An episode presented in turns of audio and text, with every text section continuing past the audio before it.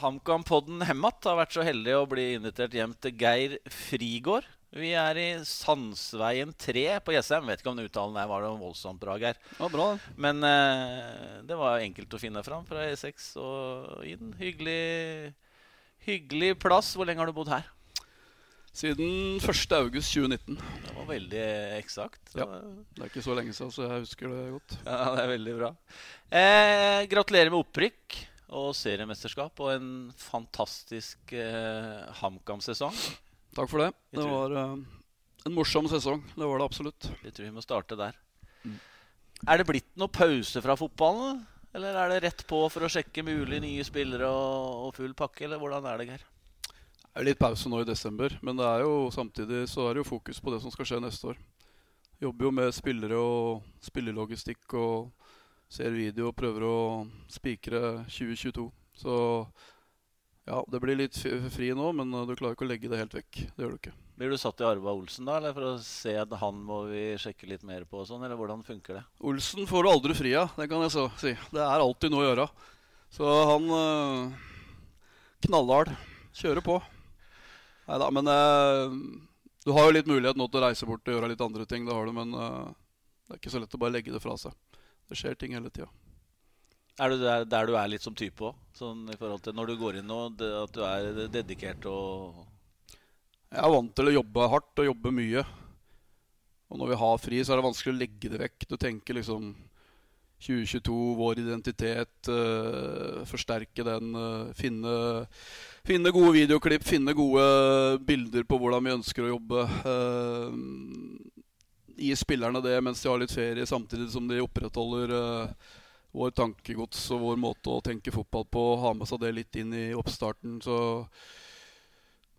ja, Du klarer ikke å legge det helt vekk, det gjør du ikke.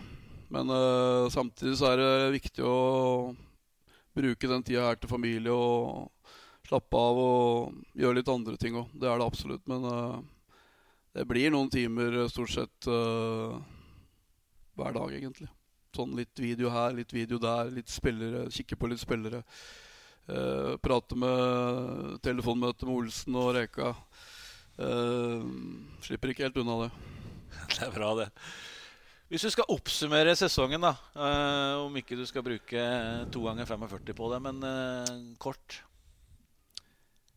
Nei, Oppsummeringa er jo at det har vært en uh, Det har jo vært en fantastisk sesong.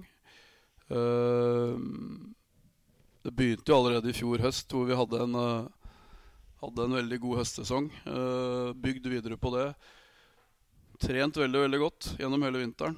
Vært rolig, Aldri vært noe stress på Hamar. Det har ikke vært noen nedstengninger. Det, alt, det har vært ro rundt det. Fått jobba i ro og mak med det vi har uh, trodd på. Og en spillergruppe som har vært uh, helt fantastisk fra dag én, egentlig. Altså i hele fjor høst, og så når vi starta opp igjen i, i, i januar, så har det vært en helvetes go i den gruppa. Så Det er ekstremt imponert over hvordan de har jobba i hele, hele 2021. Og hvordan de har eh, trent hardt, vært i kjelleren, kommet på trening neste dag. Klare til å trene, fullt fokus, gønne på er dritslitne, men jobber som F. Altså det er en mentalitet som er fantastisk å se, og det, det er en helt avgjørende grunn til at vi er der vi er. Har du vært borti lignende? Nei, Jeg har ikke vært Jeg har jo holdt på med fotball noen år, og jeg tror ikke jeg har vært borti lignende go i en gruppe. Det tror jeg faktisk ikke jeg har. Så er det fort gjort å bli historieløs og liksom uh, Lett å gå i den fella. Men jeg, jeg tenkte på det liksom i, i, når vi hadde rykka opp i høst, at liksom Jeg har vært med på mye moro i fotballen, men eh, jeg veit ikke om det er noe som topper det her. Altså. Det tror jeg ikke. Jeg syns det har vært en uh, fantastisk reise og fantastisk å være en del av det. Og så, så er det så, for, altså det er så fortjent i form av prestasjoner, i form av all statistikk, eh, expected goals, alt dette her sånn. Nesten fått for dårlig betalt i enkelte kamper. Uh, men det er først og fremst et, uh, en knallhard jobb fra A til Å. Det er uh, en belønning for det, og det så jævla gøy når folk får belønning for uh, at de legger ned en, en, en knallhard jobb hele veien. da. Så det, det har vært uh, utrolig gøy å være en del av. Også, også kort, hvis, du, hvis det går. Også, hvilke områder syns du dere har tatt størst steg? Altså Hvis det går an å plukke en to-tre ting liksom, som du syns er uh... Det er vanskelig å plukke Vi har blitt bedre i alle faser av spillet. Eh, kontringsspillet vårt er mye, mye bedre, for å ta en konkret ting. Det går så hurtig, det er så mye trøkk. Det er eh, rett på mål, det er masse folk i boks, stor trafikk i boks. Eh, for meg er det den største, den, viktigste årsaken eh, til det opprykket her, sånn, det er mentalitet. Eh, hver jævla dag så er de villige til å legge ned den jobben som skal til, og trene knallhardt. Er, de kommer på trening Altså For meg da, prestasjonskultur, det å skape en prestasjonskultur, det har vi snakka mye om i HamKam. Og det handler om hverdagen din. Det handler om det du er villig til å legge i potten hver jævla dag. Uh, og hvis det blir bra nok, så skaper det en kultur over tid. Men hvis det går opp og ned, og det er ikke så farlig i dag og det, Men det skjer ikke i HamKam. Det eksisterer ikke hos oss. Det har vært en Jeg er voldsomt imponert over det. Kom det, er- den det er tidlig? det er, for meg er det toppidrett. da Viljen til å trene, viljen til å legge ned den jobben. Altså, ikke kom og fortell meg at fotball ikke er toppidrett. De har ikke peiling, de som sier det. Du kan gå fem mil på ski i lunketempo, ja, dette er trening. Og, men kom på Briskeby og bli med på treninga vår, så skal vi se hvor lenge du holder. Det er ikke lenge. Den kulturen satte den seg fort. Jeg føler at det er noen som har kommet mer og mer. eh, i det, altså, det har vært en del av det i det siste halvannet året. og jeg føler at det har, det har kommet mer og mer. Vi har fått inn noen typer vi har fått inn en, eh, Det er umulig å komme utenom Christian Eriksen, som liksom på en måte er Jeg håper å si HamKams DNA, det har jeg sagt før, og det står jeg for. og det, han, han setter premissene sammen med en haug med andre spillere som også er, eh, som er steingode på de tinga her. sånn, altså jeg kunne ha nevnt mange flere òg, men uh, vi har en, vi har en uh, gjeng som kommer på trening. Fleiper og ler og tuller og tøyser, og så er du ute på feltet, og så er det et voldsomt fokus. Har aldri noe sutring. og Det er, det er helt sikkert ikke alle øvelser eller alt vi gjør som er like populært. Så det ville vært eh, helt unormalt i en fotballklubb. Men eh, aldri noe klaging, aldri noe sutring. De gønner på. Vi skal ha en rolig trening. Litt sånn Ligge på en fem-seks på, mm, på, eh, på intensitet. Og så bang, så er vi oppe på stange på sju, åtte, ni kanskje. Sier ingenting til oss. Eh, Nilsen kommer luskende litt sånn rolig inn på trening. Nei, det ble- det- Økta blei litt tøff i dag her. Eh, Litt tøffere enn planlagt. Ja, vi, vi så det. Og så er det neste dag har vi planlagt en tøff økt, men vi, vi kjører på. Og så er det liksom ikke noe klaging, og så må vi hente oss litt inn innimellom. Men det er den viljen til å, til å trene og til å gjøre jobben, det er det som har imponert meg aller mest. Hvem av spillerne har imponert deg mest? Nei, jeg, jeg, jeg, Nå har jeg allerede nevnt Christian så Eriksen, så jeg syns det Som jeg sa i stad, Generelt Det er et generelt uh, veldig høyt nivå på den treningskulturen. Og det er mange som fortjener ros her, sånn. Og så blir det feil å begynne å gå inn på han og han og han. Det, du kan nevne altså, Stallen, eh, sånn som de har vært i år, måten de har jobba på, har vært uh, imponerende. Og det og så er Christian Eriksen selvfølgelig en, et ansikt utad på det. det. Det tror jeg alle er enig i. Og så er det flere andre som fortjener masse skryt og honnør for det. Men jeg, jeg har ikke noe lyst til å gå inn på flere enkeltspillere. Det er, en, eh, det er et generelt veldig høyt uh, nivå på treningsmentalitet og mentalitet i den gruppa. Unnskyld. Eh, vi utfordra mm, Kjetil Rekdal eh, på å forklare, beskrive, det du gjør. Eh, sammen med han selvfølgelig og resten av teamet. Og han brukte mange store og fine, fine ord. Eh, han mener at det, den jobben du gjør, ikke kommer eh, nok fram. Eh, det var hovedtrenerens ord. Er det slik at du trives best litt i, litt i bakgrunnen? Eller? Jeg trives best i et team som jobber eh, godt sammen. Det er det jeg er opptatt av. Jeg er opptatt av å vinne fotballkamper. Om jeg har den eller den rollen, det er jeg mindre opptatt av. Jeg mener sjøl at jeg kan bekle flere roller. Men for meg handler det om å være i et team som jobber, eh, jobber steinhardt eh, sammen for å oppnå noe. Og jeg føler meg privilegert som får jobbe sammen med en så erfaren og dyktig trener som Kjetil. Eh, han, han er en av de mest profilerte trenerne, kanskje den mest profilerte treneren vi har i Norge. Han er en av de trenere i Norge som har vært med å vinne mest, som veit hva dette dreier seg om. Så det har vært en fantastisk reise. Og han gir meg masse ansvar, både på og utafor feltet, og jeg er takknemlig for det. Og så handler det at jeg må, jeg må levere hver dag og gjøre, gjøre, den jobben eh, best mulig. Og sette min signatur på den. Det er jeg opptatt av. Og hvis vi da i fellesskap kan få til noe bra sammen, så er det det, det, er det viktige for meg. Det er helt naturlig at det er eh, Går dette til helvete, eh, så er det også Kjetil som får eh, mesteparten av pepperen. Og når det da går veldig bra, så er det også helt fortjent at det er han som får mesteparten av headlinesa. Sånn skal det være, sånn må det være. Og det, det, det, er helt naturlig. Så det viktigste for meg er at vi er et team nå med Håkon, Magnus, Rolf, Kjetil. Øh, resten rundt i støtteapparatet som, som, jobber steinhardt hver dag for å bli bedre, akkurat som spillergruppa vår. Hel ved. Og så glemte jeg selvfølgelig Espen Olsen. da Ta med Espen, du. Jeg må ta med Espen. Han har gjort en fantastisk jobb. Han var, hadde egentlig ikke tenkt å skryte noe av han i dag etter den podkasten han hadde, for det var jo løgn fra ende til annen, det han prata om, disse historiene om meg. Så jeg er jo egentlig dritforbanna på Espen. Men uh, jeg får skryte litt av han likevel. Han har gjort en fantastisk jobb. Han har vært uh, avgjørende for det opprykket her sånn, i form av spillelogistikk og få inn de rette typene. Så Espen er meget meget dyktig. Har gjort en kjempejobb. Og så må han uh, moderere seg litt med disse skrønerhistoriene sine. Men det får vi ta med en annen gang. Det får du ta face to face. Ja, det er grei. Hel ved, dedikert, proff, gladgutt og skiftende i humøret. Det er noe som har gått igjen. Vi har jo selvfølgelig prata med noen eh, ja. i din nære krets eh, og, og utfordra på, på, noen karakteristikker her. Eh, det er jo mye, mye, mange positive ord. Åssen er, er, du på ros? Jeg er egentlig ikke så veldig god på ros. Jeg er ikke det. altså. Jeg, det tror jeg er et sånt norsk fenomen. Jeg tror generelt vi nordmenn er ganske dårlige på å ta imot uh, ros.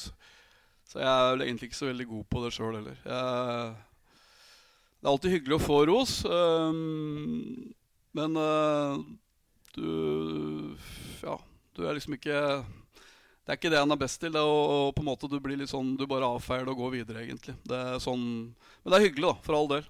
Det, det er det absolutt. Vi, vi, går noen år tilbake, Geir. Eh, vi går, skal gå ganske mange år tilbake, faktisk. Eh, til eh, spillekarriera di. Eh, og så tenkte jeg å starte med, med et spørsmål til deg her. Altså, er det riktig at du ringte til Lillestrøm sjøl som, som juniorspiller? Da er vi mange år tilbake her. Nei, det er vel kanskje ikke helt riktig det. Jeg, jeg, spilte, jeg, jeg, er fra Fuvo, en liten klubb, tredjedivisjonsklubb, som klarte seg med et nødskrik i tredjedivisjon i år. Um, spilte der fram til jeg var eh, førsteårsgutt. Da er det vel 15 år. Da gikk jeg til Løvens, da, i, inne i Espen Olsen-land, det er naboen til Kuland. Eh, de hadde et bra guttelag den gangen, og en kretslagstrener som jeg kjente, som ville ha meg med dit. Så jeg spilte der i to år. Og da jeg var ferdig i Løvenstad, så ville jeg prøve meg i Lillestrøm. Og da var det sånne prøvetreninger, åpne prøvetreninger. Så sånn sett så kan det godt hende at jeg ringte og spurte om å få komme dit og trene. Og så blei jeg med på juniorlaget der i, i, tre år og var egentlig litt sånn oppturer og nedturer. Og så hadde jeg en veldig god siste års juniorsesong. Eh, I dag hadde du kanskje blitt avskrevet eh, for at du ikke var god nok som første- eller andreårs junior. Men jeg hadde ikke noen sånn spesielt god førsteårs, andreårs juniorsesong. Uh, men uh, Siste året var bra, og da fikk jeg mulighet til å trene med A-laget og David Hay i 89. Det laget, året ble de seriemestere. Så jeg debuterte faktisk siste året, da, i 89, som eh, det året de ble seriemestere. Så jeg fikk med meg én kamp det året. Men uh, Det var ikke nok til å bli seriemester, men uh, det var en stor opplevelse for en uh, ung Frigård. En opp opptur antagelig uansett? Det var det, absolutt. Du valgte Kongsvinger foran HamKam i 92. Eh, da skulle du erstatte Kjell Roar Kaasa. Hva, ja. hva, skjedde der, egentlig? Ja, det var ikke så altså, Valgte Kongsvinger foran HamKam. Det hadde aldri noe tilbud fra HamKam. Så det, det, er vel grunnen til uh, Først og fremst grunnen til det. Per Brogland uh, bor på Eidsvoll. Uh, kjente meg litt fra før og fulgte meg litt. Han ville ha meg til Kongsvinger. Uh, Henta meg dit da før 93-sesongen. Da hadde jeg hatt egentlig tre år i Lillestrøm A-lag og spilt vært litt sånn inn og ut av laget og skåra en ja, Jeg hadde vel ni eller ti mål i Eliteserien uh, på de tre åra, men liksom ikke klart å slå meg inn der. Så da blei det Kongsvinger, og nei, det var en, uh, to kjempefine år. Det var uh, veldig bra treningskultur der. Vi jobba steinhardt. jeg skåra bra med mål. det blei på en måte et gjennombrudd for meg som spiller. da De to åra jeg, jeg hadde et målsnitt på jeg skåra 22 mål på 44 kamper. Og blei vel henta tilbake i Lillestrøm da i, i, i 95-sesongen. Så Sjøl om jeg er i HamKam nå, så må jeg være ærlig og si at jeg har bare gode minner fra tida i Kongsvinger. Og de to åra der, det var viktig for meg og min karriere. Så det skal ingen, ingen ta fra Kiel. Og så er det to kamper der som jeg tipper at du kanskje husker litt mer enn andre. Det var to kamper mot uh ikke ukjente Juventus. Fortell litt om det. Nei, Det var jo litt sånn surrealistisk. da Vi hadde jo hatt en litt sånn trøblete 93-sesong, egentlig. Uh, så hadde vi en veldig god høst, og da begynte ting å skje. Og da gikk det slag i slag. Vi slo ut Øster i første runde i Europacupen. Jeg tror jeg skåra fire mål på de to første kampene, hjemme- og bortekampen. Så jeg var jo toppskårer i Uefa-cupen uh, sammen med store fotballnavn. Husker ikke eksakt hvem det var, men det var jeg lurer på om det kan ha vært uh, Ravanelli eller uh, Baggio eller noe sånt som lå der oppe uh, sammen, med, sammen, med, meg. Det var litt kult å se. Jeg var ikke så gamle gutten da heller, så det var, litt, det var stort, det. Og så var det Juventus-kampa. Da trakk dem. Det var, jo et, det var jo et lag med bare stjerner. Så hadde jo alt å vinne. Og så kampen gikk på Ullevål, husker jeg. Uh, men Det jeg husker best fra den kampen, er at jeg skåra 1-1-målet på overtid. En litt crazy scoring. Det var egentlig død vinkel. Hadde jeg prøvd 100 ganger, så hadde jeg kanskje fått det til én eller to ganger. Men det var den dagen, og ballen trilla inn. og etter kampen så husker jeg det var en mann som sto og hang over inngangsdøra. Det var 10 000. Det regna som faen der inne. Det var, ja, det var helt sinnssykt vær.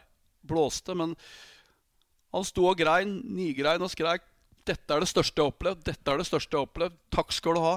Altså det, det var helt surrealistisk. Sånn, jeg hadde ikke opplevd det før. Det var liksom vi, var på Hedmarken, og du forventer ikke det. Men det, altså, det, det var så stort da, for de som var der inne. Og, og det gjorde inntrykk på meg, faktisk. Det, bortekampen den tapte vi 2-0. Gjør egentlig en veldig god kamp. Utlignet til 1-1.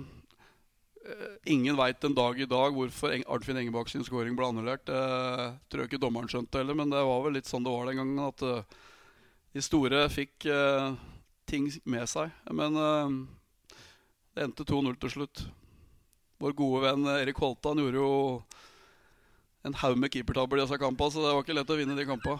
Den må man bare tåle.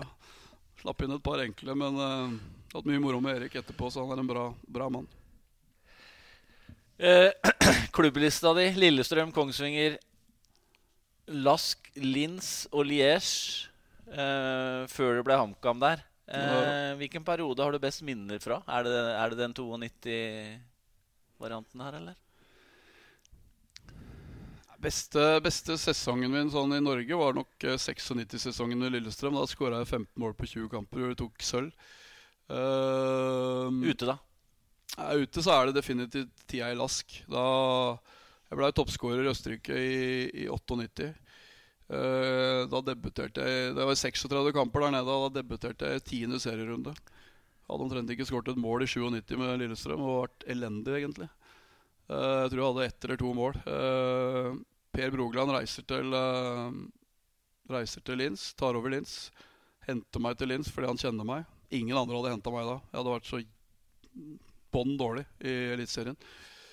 Men Per kjente meg, henta meg, og så skåra jeg vel i andre eller tredje serierunde for Lins. Etter det så Alt gikk inn. Altså Treff ballen feil, spretter over keeperen. Altså, alt gikk inn. Skårte vel 23 mål på 27 kamper. Uh, Blei overlegen toppskårer nede, egentlig. Så Ja, det var, det var, en sånn sesong som du bare får én gang. Uh, så jeg tror jeg har 48 mål på 80 kamper der nede. Så i Østerrike så så gikk det veldig veldig bra sportslig. Så glemte du det. Jeg var en tur i Frankrike òg, i Sedan. Sedan ja. Tror ikke du sa det. Jeg var uh, tennis på Rosia Berlin. Uh, andre Bundesliga. Det var noe utlån der, var det? Ja, og så ble jeg ut, lånt ut en sesong til uh, er lang historie, jeg skal prøve en kort. Men jeg, jeg, jeg hadde ikke råd til å si nei til Tennis Pro Berlin. Da kom jeg som toppskårer fra Østerrike. Og så fikk jeg en vanvittig kontrakt der nede, egentlig. Den tida. Det var andre Bundesliga. De skulle opp, hadde et forsikringsselskap i ryggen. Mister opprykket med et poeng eller to. Eh, blir nummer fire. Ny trener. Ni nye spillere. Tre nye spisser. Blant annet Ove Røsler og Sasa Shiric, som var stjerne der nede. Så liksom da var det sjanseløs. Så da, da, da, dro jeg til Frankrike og, og spilte ett år i Frankrike. I um, nyopprykka lag. Som uh, ble nummer seks det året. Jeg klarte aldri å slå meg inn i det laget. Det var et veldig veldig godt lag. Men uh, det var en fin opplevelse. Jeg spilte mot mye gode spillere. Det var egentlig en uh, morsomt å ha vært med på. Og så ble det Lirse til slutt. da, Tre år i Lirse i Belgia. Var du aktuell for noen Premier League-klubb noen gang? Jeg sa nei til Watford. Gikk, da jeg gikk til uh, Sedan, så jeg, kunne jeg gått til Watford i Premier League. De hei, henta Heidur Helgason i stedet. Det jeg mener det var han. Uh, og det Nå gikk det bra. Han gjorde det veldig bra der, han også. Uh, Hvilket år er vi på? Ja, Vi er i 99. 99-2000. Uh, og da husker jeg snakka med han agenten som ville ha meg dit. Uh, mente at Frankrike passa meg bedre. Jeg har angra bra på det etterpå. Det har gjort det? Ja. Nå rykka jo dem ned, da. Uh, men jeg veit jo at Heidur Helgesson uh, Han gjorde det bra der borte. Da er han en totalt annen spisstype enn meg, da, så det er ikke sikkert jeg hadde passa like bra der. Men jeg, jeg, valgte Frankrike, for jeg mente at den fotballen kanskje passa meg bedre. Da. Så men, og så sa jeg nei til å reise til, på treningsleir til Leeds i 93, når jeg hadde skåra mot Juventus. Da ble jeg invitert ned til, uh, til Leeds for å trene med dem. Men det takka jeg nei til. Gjorde mye dumt. Samme angeren der, eller? Nei, det er jo favorittlaget til Reka, så uh, passa bra ikke å ha spilt for dem. Det er, det er jo en uh, tegneserieklubb. Hvilken trener har betydd mest for, uh, i spillekarrieren din? Det er definitivt Per Brogland. Han henta meg til Kongsvinger. Han henta meg Han dro til Lillestrøm. Nei, han henta meg til Kongsvinger. Jeg gikk tilbake til Lillestrøm, og så henta Lillestrøm uh, Per før 96-sesongen. Så hadde vi veldig gode resultater i 96 sammen. Og så reiste han til uh, Belgia i Østerrike i 97 og henta meg dit i sommeren 97. Jeg husker Han hadde akkurat henta meg når uh, Lady Diana hadde kjørt i tunnelen. For da satt jeg på hotellrommet der nede. Jeg husker det var i august 97. Så Per har en, uh, vært helt avgjørende for min karriere. Så mye å takke han for. Det ble noen landskamper på veien her. Eh, fortell litt om perioden før uttaket av EM-troppen eh, før VM i, i 94. Der, om, eh... jeg, kan gjøre, jeg har lyst til å begynne med 98, for da var jeg toppskårer i Østerrike. I dag er det utenkelig at en uh, toppskårer i Østerrike ikke hadde fått sjansen på landslaget. Men da fikk jeg egentlig aldri muligheten. Uh, jeg husker Drillo uttalte at han hadde dårlig samvittighet for tre spillere. Det var meg og Runar Berg og én til. Jeg husker ikke sistemann. Men det sier jo litt om nivået på norske spisser den gangen. Da, da var det beintøff konkurranse. Så fikk, du fikk liksom ikke muligheten til å være med på samling eller vise deg fram heller. Og det er egentlig den som sier mest for meg. I, i 94 så tok de ut 16 spillere, og så var det seks spillere til som skulle med. Én spiss. Og da det var ikke Internett sånn som nå, så da hadde jeg jo stua full av journalister hjemme på Vormsund. Eh, Lokalaviser og VG og ja, Det var liksom stor spenning om hvem som var den ble spiller nummer 21, da, som var den siste spissplassen. Det sto mellom meg og Sigurd Rushfeldt, og han hadde skåret fem mål i Eliteserien. Jeg hadde skåret seks mål i Eliteserien. I mitt hode da så var det jo Da var det jo klart. Det måtte jo bli meg. Men uh, det var ikke fullt så enkelt som det, dessverre. Så det ble Sigurd. Så vanskelig å si at det var feil. Han har en, uh, hatt en fantastisk karriere og en meget, meget bra spiller. Han var jo en bedre hodespiller enn meg og med pondus og trøkk. Jeg var en litt annen spillertype, men uh, Nei da, det var uh, Jeg kan ikke ta Drillo på det. Det viste seg å være et fornuftig valg, sjøl om det var blytungt der og da. Mm. Jeg tenkte jeg skulle spørre deg litt om hvordan du skulle oppsummere landslagskarrieren din. Og da har du for så vidt gjort det nå, da. Så det var et par, rett og slett et par nesten der. da. Ja, men jeg det jeg kan si, at jeg, ikke, jeg, kan ikke sitte her og si etterpå at jeg ikke prøvde, ikke gjorde mitt beste. Og jeg gjorde alt jeg kunne for å bli så god som mulig. Jeg angrer ikke på noe. Jeg fikk vel fem landskamper. Jeg skåra et avgjørende mål på Ullevål. Det var fantastisk. Vi vant 1-0 i første kvalikkamp i 94, var det vel, mot Hviterussland. Uh, fikk kjenne på den følelsen der å score for Norge, og score et viktig mål for Norge. Det, det er en sånn opplevelse som, veide, som jeg Det er kanskje noe av det sånn største enkeltøyeblikket for meg sånn i karrieren min. Når du får score et avgjørende mål for Norge. Én ting er å score et mål hvor du er i USA på en vintercamp, eller uh, Det hadde vært fint, det òg, men uh, å score i en avgjørende kvalik, det det, var, det veide litt det, gjorde, altså det, var en stor opplevelse. Hvordan starta trenerkarriere? Starta så smått i Eidsvoll-turen i andredivisjon, hvor jeg var med Vegard Hogstad. Broren til Are Hogstad, som jobber i NFF og er med Ståle nå.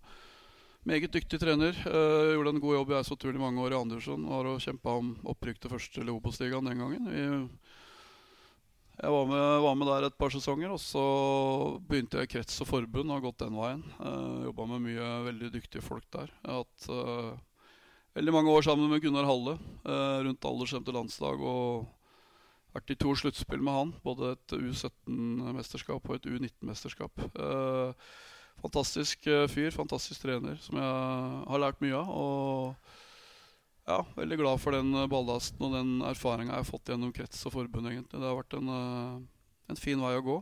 Det har det absolutt. Hva tenker du om veien videre som trener, hvis du ser litt lenger fram? Ser du, det, ser du Geir Frigård som en hovedtrener på veien her?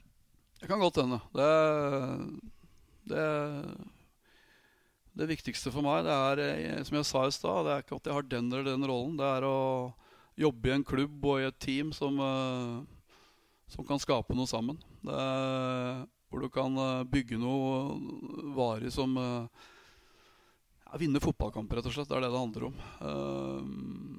Og hvis det rette tilbudet dukker opp i en eller annen sammenheng, og du får muligheten til å være hovedtrener i et, en klubb hvor ting ser spennende ut og det er mulig å få til noe, så hvorfor ikke?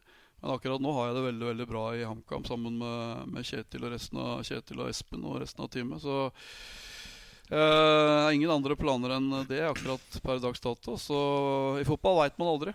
Ting kan skje. Det, sånn vil det alltid være. Men eh, jeg trives veldig godt i HamKam, og spennende det som skjer der. Vi skal gli litt uh, videre, Geir, uh, til, uh, til en del innspill som vi har fått. Nå blir det en litt mer uformell bolk her. og så ser jeg du smiler litt i, i skjegget. og første spørsmål er egentlig altså, Hvorfor blir du kåra til årets gjedde i HamKam-miljøet? Ja, det er jo et uh, jævlig godt spørsmål. Og det er nesten frista til å si at det må du spørre Magnus Nilsen om. Hvorfor i all verden jeg får den prisen. Men uh, jeg har jo en mistanke om at uh, Altså, jeg er jo Jeg vet ikke om du sa i stad at jeg er humørsjuk. Eller noe, noe den, for, for det, ja, det, men det stemmer ikke. Jeg er veldig ofte i godt humør. Men jeg er veldig direkte og tydelig i kommunikasjonen min hvis det er noe jeg er uenig i. Og da kan jeg glefse litt. Grann. Eh, og det er ikke alltid så mye som skal til for at jeg glefser over den eh, sluken som ligger og borti sivet der. og det har vel noe med gjøre. Da sier jeg hva jeg mener. Og det har jo selvfølgelig eh, folk fått med seg. Det, men det er litt meg på godt og vondt. Det du ser, er det du får. Jeg, jeg flyr ikke rundt og prater rundt grøten. Og jeg tror folk hadde vært overraska, kanskje litt sjokkert, hvis de hadde sittet i trenergarderoben til meg og Kjetil. Uh, det er ikke noe koseprat alltid der. Der er det, der er det ganske høy takhøyde. Og vi stoler 100% på hverandre, og vi er veldig brutal, altså vi er brutalt ærlige om hverandre. Jeg tror gutta noen ganger har stoppa litt opp i garderoben i forhold til uh, I forhold til at det går ei kule varmt inn hos oss innimellom. Og det tror jeg er en av styrkene våre så.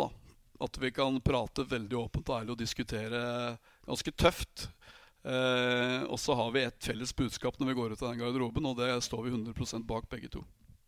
En som spilte sammen med deg i, i Lillestrøm, som har snakka med, eh, han mener at du var, eh, at du var proff. Eh, men at eh, i en oppkjøringsperiode der foran en sesong at du var litt for proff, rett og slett. Eh, og, og stikkorda da som vi, som vi, fikk inn, det var veldig mye knebøy. Eh, og bruk av noe som vedkommende kalte helvetesmaskina oppå Olympiatoppen der. Hva, skjedde der, egentlig? Snakka med Solbakken, da. Eh, nei, vi var jo en del av Olympiatoppen med Lillestrøm i 95, blant annet. Jeg kom jo fra Kongsvinger og skulle jo ta nye steg, selvfølgelig. Og trente som en gal. Jeg trente veldig mye eh, den gangen, til å, sikkert til fotballspiller å være. Men uh, det er en sånn maskin hvor du løfter uh, Du løfter kanskje 100 kg opp, da, så får du 200 kg ned. Det var denne maskinen. Og jeg blei jo likte den maskinen. Syns den var fin. det var uh, Kjus og Aamodt og Frigård som sto på denne maskinen. Så jeg kjørte på, og så blei det vel litt mye Blei litt tung i beina og hadde en litt tung vårsesong. Men uh, jeg har alltid tenkt sånn at uh, en som intet våger, intet vinner. Du må tørre å tøye strikken, og du må tørre å teste grenser. Og du må være nysgjerrig på ting. da Det tror jeg er viktig for uh, spillerne i dag. At du tør å prøve og tør å feile. Det blei nok litt mye da, men eh, jeg tror jeg fikk, fikk igjen for det året etter. Da Da hadde jeg en fantastisk god sesong, kanskje min beste. Kanskje det er litt derfor. Men det òg kommer med historien fra vedkommende her, da. Eh, det skal sies. Men han mente Altså, han medspilleren din mente at du kanskje var den tregeste spilleren i Eliteserien eh, den sesongen. Ja. Det, det, er selvfølgelig en knallhard dom, da. Eh, han var inne på ordet katastrofe, faktisk. Men eh, med veldig glimt, veldig glimt i øyet. Eh, Jeg kan si det at Hvis det er katastrofe å skåre sju mål i Eliteserien da er forventningene veldig høye. da Ja, Han hang seg veldig opp i farten der, tror jeg. Ja. Det var veldig... Men uh, det, var, det, var, veldig fin, Geir. Uh, uh, vedkommende ble for øvrig toppskårer i 95 der. Så ja, Han er veldig opptatt av at han skåra mer mål enn åra. Det stemmer nok, det. det. Jeg vet ikke om han var raskere han var for det. da Jeg, jeg hadde ikke noe test på det, kanskje? 4-9 på 40-meteren. Vi hadde tester. Ja. Husker ikke hans? Ta det med Ståle. Det Uh, og så har vi fått inn uh, Har vi fått inn i innboksen en uh, historie. vi skal til, vi skal til Sør-Afrika. Oh, tre, treningsleir. Lillestrøm. Nå veit jeg hva som kommer. Og du hadde, du hadde stått av soling en 10-11 dager der. Et ryktene sier litt sart hud. den siste dagen før du skulle reise hjem, så så dro de fleste for å se stedet der Nelson Mandela satt. Mens uh, ifølge min kilde da, så skulle du ta igjen da 10-11 uh, eh, dager uten soling. Uh, skulle du ta igjen på én dag. hvordan var dette egentlig? Nei, Det er jo selvfølgelig feil, det som blir sagt her. Men det er likevel litt riktig òg. Ja. Uh, det har ikke noe med Nelson Mandela å gjøre, for vi var på Robben Island alle sammen. Men jeg og Frank Strandli bodde på rom. Jeg hadde passa på Frank hele jævla treningsleiren. Han var jo aldri der han skulle være. Så siste dagen så skulle vi trene uh, så vanlig tid, og så forsov vi oss. Så jeg og Frank forsov oss til den siste treninga. Bussen gikk. Vi rakk ikke treninga. Ikke så veldig øyaten. Da la vi oss i poolen utafor hotellet. og Lå der og slappa av til andre kom av. Så vi lå jo der to, et par timers tid. Og Grunnlaget mitt var kanskje ikke det beste, da. Det, det skal sies. Jeg, ble rett og slett jævlig solbrent. Så på, på fly, flyet Vi skulle hjem igjen på kvelden. Det var siste dagen. Så på fly hjem igjen Jeg var så solbrent, så jeg var helt brent. Altså, det var helt, det var helt sjukt. Det var ikke bra i det hele tatt. Så Men det var, eh, altså, det var sånn eh, aloe vera og fuktighetskrem eh, non stop i tolv timer på flyet. Det, det, så ikke bra ut. Historien som, eh, som det som tilhører historien, da, som ligger i innboksen vår, er eh, Og det kan jo hende at den er litt, litt overvinkla òg, men du kan jo få kommentere det. Men det, det, påstås da at du kom inn på flyet der i kun en shorts. Jeg vet ikke om det var riktig? Nei, Det stemmer nok ikke at jeg kom inn på flyet kun en shorts, men at jeg havna bare en shorts i løpet av den flyturen. Det tror jeg faktisk stemmer. Det, det kokte bra da. Det gjorde det. Jeg måtte uh, fukte kroppen. Det, var, det, ikke, det, så ikke bra ut. Ja, Veldig bra, Geir. Eh, det, det, var ikke bra. Arve. Det var det på ingen som helst måte. Historien var veldig bra. Historien var veldig bra. Eh, nesten så jeg begynte å klø litt. ja, det, klødde bra, det kan jeg love. Eh, vi skal ha vi skal ha inn et par uh, innspill til i, i, i denne bolken her, som er uh, veldig uformell og så langt veldig fin, syns jeg. Um, dette her er ferskvare. Uh, veldig ferskvare, egentlig. Det påstås da at det var noen som kjørte ei ordentlig finte på deg fra en botur i Trysil nylig. Hva skjedde der? Det er jo såpass ferskt, ja. Nei, det er jo en jævlig bra historie, faktisk. Den hyller jeg jo sjøl. Jeg må begynne med å si jeg hyller den. Det er eh, Og der var jeg jo gjedda, da, som lå i sivet og vaka. Den må jeg bare ta. Men eh, jeg, du blir jo glad i disse gutta. Det er jo så enkelt som det at du blir jo jævlig glad i disse spillerne dine. Og de hadde jo hygga seg på båttur i Trysil. Da, og tilfeldigvis så sendte jeg en melding til LO utpå ettermiddagen på lørdagen. Og 'Er det bra med dere? Er det liv i leiren, og alt er på stell?' Ja, ja, alt var fint, men de hadde fått et lite problem. da For Halvor eh, Oppsal hadde dette og slått seg i slalåmbakken. Så han eh, fikk eh, måtte tilsyn av Røde Kors. Helvete, tenkte jeg. Dette hørtes ikke bra ut. Hva er det som skjer? Eh, ja, Han hadde fått en vridning i kneet, da. Og da begynner jo selvfølgelig Er det kødd? Og så skriver jeg 'Er det kødd?' Du kødder ikke nå, LO? Og så ringer jeg selvfølgelig Magnus Nilsen og hører om han veit noe. Nei, han skulle sjekke det, da. Og igjen da, så viser jo Magnus Nilsen at han er en eh, liten uh, snake. For da har jo han alliert seg med spillere og ringer meg opp igjen og sier at nei, Halvor Oppsal han er på vei til Elverum han, for han må sjekke kneet sitt.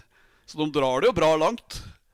Men eh, Og i mellomtida har jeg selvfølgelig snakka med Reka en to-tre ganger, og at det er jo full uh, Alarmklokkene går jo. Uh, det siste vi vil, er jo å ha skade på spillerne våre, så Ja. Det, det hadde vært helt tragisk, for å si det rett ut. Men uh,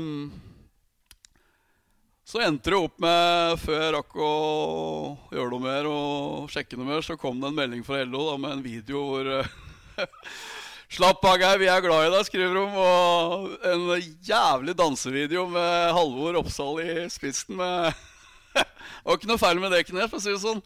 Så det var jo det jeg håpa på, at det var bare kødd. Men uh, de dro det bra langt, da. Det skal de ha. Men uh, det var bra.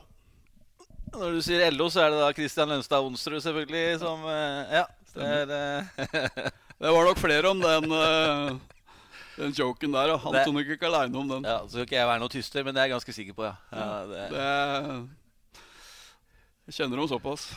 Og så må vi, og så må vi innom eh, noe som eh, Som eh, jeg vet du syns er, eh, er Noe som du syns er veldig morsomt. Eh, og det var jo eh, en nyvinning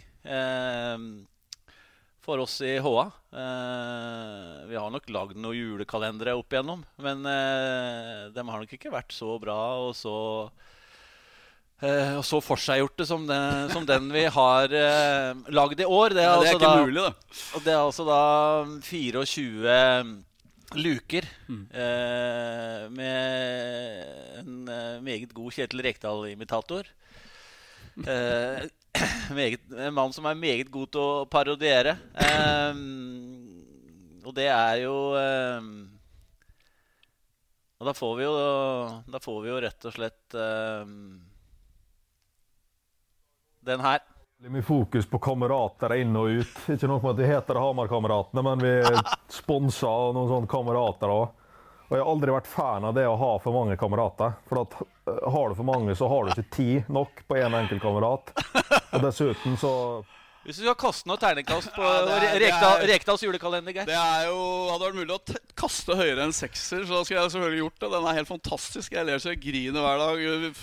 Første jeg ser på om morgenen, er jo Rekdals julekalender. Og det er jo kliss lik Reka. Det er helt utrolig at det, Hvor er det de har fått all den informasjonen? Det er jo Reka, dette her. Det er jo den, eksempel covid-testen opp i nesa og å, skriking og hoiing. Og det er jo akkurat som å se. Dette har vi jo sett i hele år.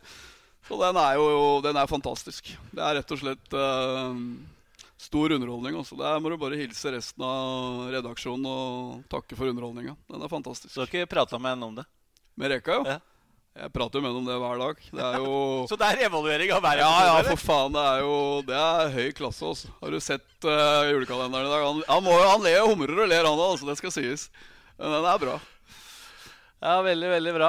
Eh, vi, skal, vi skal inn på, på HamKam-sporet igjen. Eh, Vi skal litt tilbake i tid.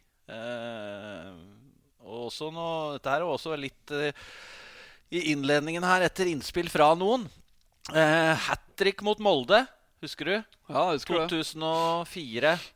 Eh, tatt av ganske tidlig. Eh, hylla av eh, fansen når det går av Briskeby der. Etter dine, dine skåringer. Eh, men eh, det var spesielt én person som var på den matchen. Husker du hvem? Ja da, det husker jeg. Det var Bondevik. Han er jo svoren Molde-supporter, og det blei jo gjort et intervju etterpå med, med Kjell Magne og meg, da. Og det var jo det var hyggelig, det. Og han var jo hyggelig kar, det. Og så var han veldig Han har alltid gått med et eh, kors. Så han, eh, han så jo det korset. Så det var jo helt topp. Han likte det. Så jeg husker han kommenterte det. da Så det, Jeg og Kjell Magne vi ble litt eh, kompiser, vi også. Eh, samme, samme kilde, for så vidt. Eh, sesongen etter ble litt trøblete. Av uh, litt uh, skader. Mest skader, antagelig. Litt er vel å underdrive der. Veldig mye, si. veldig mye skader. Da var jeg veldig snill i inngangen der, kanskje. Men det var greit at du, du retter meg opp på, på akkurat den. Um, det var i hvert fall en sesong da, hvor HamKam til slutt ender opp med fem spisser. Mm. Uh, ganske unik situasjon, egentlig. Og så var det siste og avgjørende match. Måtte ha poeng mot Brann. Ehm, var det en kamp du hadde litt forhåpninger om å være med i troppen i? Ja. Altså, jeg har jo hatt noen oppgjør Jeg, jeg og Ståle kjenner hverandre godt. eh, og vi har hatt noen tøffe diskusjoner, og alle kjenner jo Ståle. Men jeg, vi har aldri vært redd for å diskutere, da. Eh, og jeg tror det er verre for omgivelsene våre enn det er for oss. Eh, og så er det en litt sånn lengre historie rundt bak det. Jeg- Lillestrøm ville hente meg tilbake eh, på slutten av overgangssynet der. Ståle sa nei, jeg driter i, akkurat nå driter jeg i deg, Geir. Vi er, vi er kompiser, vi kjenner hverandre, men jeg må tenke på HamKam, så du blir her. Ferdig snakka. Og det er fair, det liker jeg med Ståle. Han er eh, klar og tydelig. Og så blei det lite spilletid egentlig høsten. Fortjent nok, for jeg hadde ikke noe god, god sesong. Jeg sleit med litt skader og sånn, som du sa. Og så hadde jeg vært inne på laget før siste Var jeg plutselig litt inne på laget før brannkampen. Og jeg var jo sikker på at jeg skulle være med i troppen. Og dette var siste Jeg hadde alltid vært med i troppen. Og så tok han ut uh, hele troppen, og jeg var ute. Og da var det jo, da smalt det litt utpå der. Og da sto det masse journalister også som skulle snakke med Ståle. Men vi, vi tok jo ikke den i garderoben, eller vi tok den der og da. Og da blei det jo ganske tøffe diskusjoner. Og jeg sier hva jeg mener, og Ståle er jo Ståle. Og er klink eh, direkte og ærlig på det. Og det blir jo høyere og høyere. Så de journalistene som sto rundt oss, de sa ikke så mye. De sto bare og, og noterte. Og uh, var sikkert uh, fornøyd, dem. Men uh, ja, det var helt ok, det. Jeg var forbanna, han var forbanna, så var vi ferdig. Det lå det en eh, ikke Vi holdt plassen, det var det viktigste. Det lå en, eh, meg fortalt, en eh, ikke helt ubetydelig kvalikkamp i potten der òg, hvor en kanskje ikke så eksklusiv bortekamp mot, mot Stryn, som du kanskje frykta at du måtte være med på der, eller? Ja, jeg var jo litt sånn ferdig i hodet mitt da. Jeg skal innrømme det. det jeg skulle jo, Det var bestemt at jeg ikke skulle fortsette i HamKam. Jeg skulle til Eidsvoll-turen, spille andredivisjon. Og sleit vel litt med motivasjonen til den uh, Stryn-turen, faktisk. Det, så ærlig skal jeg være. Jeg var 5-36 år og skulle trappe litt ned. Så jeg ba vel pent om å få slippe den. uh, og fikk forståelse for det, så det løste seg på en fin måte, det. det jeg tror det var uh, greit for begge parter å ha en eh, litt uh, grinete 36-åring på banen der i en uh, Rekkerud-kamp. Det var kanskje ikke det der jeg hadde motivasjonen min akkurat der og da. Og det så ærlig må jeg vel være. Det ble lagd en uh, dokumentar om HamKam som har gått uh, land og strand. Uh, dukker opp eh, stadig vekk. Jeg er for så vidt en del av den sjøl. Jeg står og er litt, eh, ser meget forvirra ut når eh, stakkars Pål Gordon Nilsen kommer inn der og skal ha et lite oppgjør med, med Ståle. Men det var ikke den sekvensen jeg, tenkte på. Jeg tenkte på en, eh, en eh, garderobeprat på, på Ullevål der. Eh, som Har du fått mye kommentarer på? Ja, vanvittig, egentlig. Helt utrolig. Jeg, jeg tror jo, for å være helt ærlig, ikke at verken jeg eller Ståle tenkte så mye på det etterpå. Jeg tror vi var ferdig med det ganske kjapt. Dette var ikke noe som jeg sa i stad. Vi, vi spilte sammen i Lillestrøm og hadde en del tøffe, tøffe diskusjoner der. Og Ståle var jo Jeg husker han sa til meg en kamp hvor jeg hadde gult kort, hvor jeg kom litt seint før kampen skulle spilles og ikke var med på liksom de siste forberedelsene. Og hvor han sier at Geir, det der gjør du faen ikke en gang til. Du møter opp sammen med oss når vi møter opp og er en del av laget. Og det, det var sånn vi var vant til å kommunisere. Og jeg, jeg er enig. Det er bra du sier fra, liksom. Og det Uh, så vi tenkte nok ikke så mye over det. Uh, Olsen prøvde så selvfølgelig å krype inn i en eller annen boks på Ullevål stadion. Da, og jeg hørte han sa at han var mye smartere enn meg. Jeg, det kan også være at han var mye feigere enn meg. Det, det er to måter å se det på.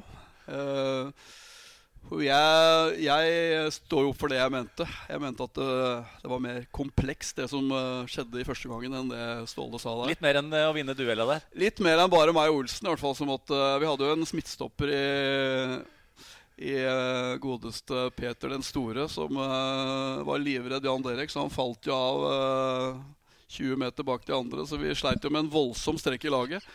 Og jeg hadde jo selvfølgelig ønska at vi hadde snakka litt rundt det òg. Ikke bare meg og Olsen. Så derfor så blei det den clinchen. Uh, men uh, det tror jeg vi var ferdig med ganske kjapt etterpå. Men det, det har vært voldsomt mye fokus på det i ettertid. Det har vært, eh, Jeg tror Ståle har fått høre det mange ganger, og jeg har fått høre det mange ganger. Og bare ledd av det, egentlig. Det er en morsom historie og en eh, morsom greie som vi smiler av når vi ser. Det er ikke noe mer enn det. Vi hadde verre fighter enn det. Det er bra. Vi skal ikke gå, vi skal ikke gå i dybden på det, Geir, nå. Det skal vi ikke. Eh, det, om kort tid så starter oppkjøringa til en ny sesong med HamKam. En eliteseriesesong. Det ordet der er det mange på Hamar som har eh, sulta etter å få å bruke i, i hverdagen, tror jeg. Eh, hvor stor er forskjellen sånn i, i kort, eh, kort fortalt? Alt er jo større. Rammene rundt og stadioner og alt sånn. Du har jo alt det selvfølgelig som er større. Det er mye større. Eh, Fotballmessig og kvaliteten er selvfølgelig mange hakk opp, så vi må forbedre oss. Det ville vært naivt å tro noe annet. Men eh, eh, jeg tror det viktigste er at vi har trua på det vi holder på med. Vi fortsetter å jobbe like hardt, like målretta hver eneste dag. eh, og har trua på at ja, vi skal opp i Eliteserien, men vi har ikke noen grunn til å stå der med lua i hånda. Vi, vi kommer til å bli vanskelig å bryte ned og vanskelig å slå i Eliteserien nå. Det er jeg overbevist om. Uh, vi kommer til å forsterke oss litt, men eh, først og fremst er det den gjengen som er der nå, som må gjøre jobben. Og hvis vi fortsetter å utvikle enkeltspillere og lag, så kommer vi til å bli veldig veldig vanskelig å slå i Eliteserien, og det er jeg overbevist om. Veldig bra, Geir. Jeg tror vi runder av der. Det var uh, hyggelig å bli invitert til Ja. Sand i Ja. nærheten av Jessheim. Vi tror vi tar den, så kan folk plassere det på kartet. Og så ønsker vi deg og dine lykke til med en eh, knallhard oppkjøring til eh, den øverste ligaen. Takk for det. Takk for besøket.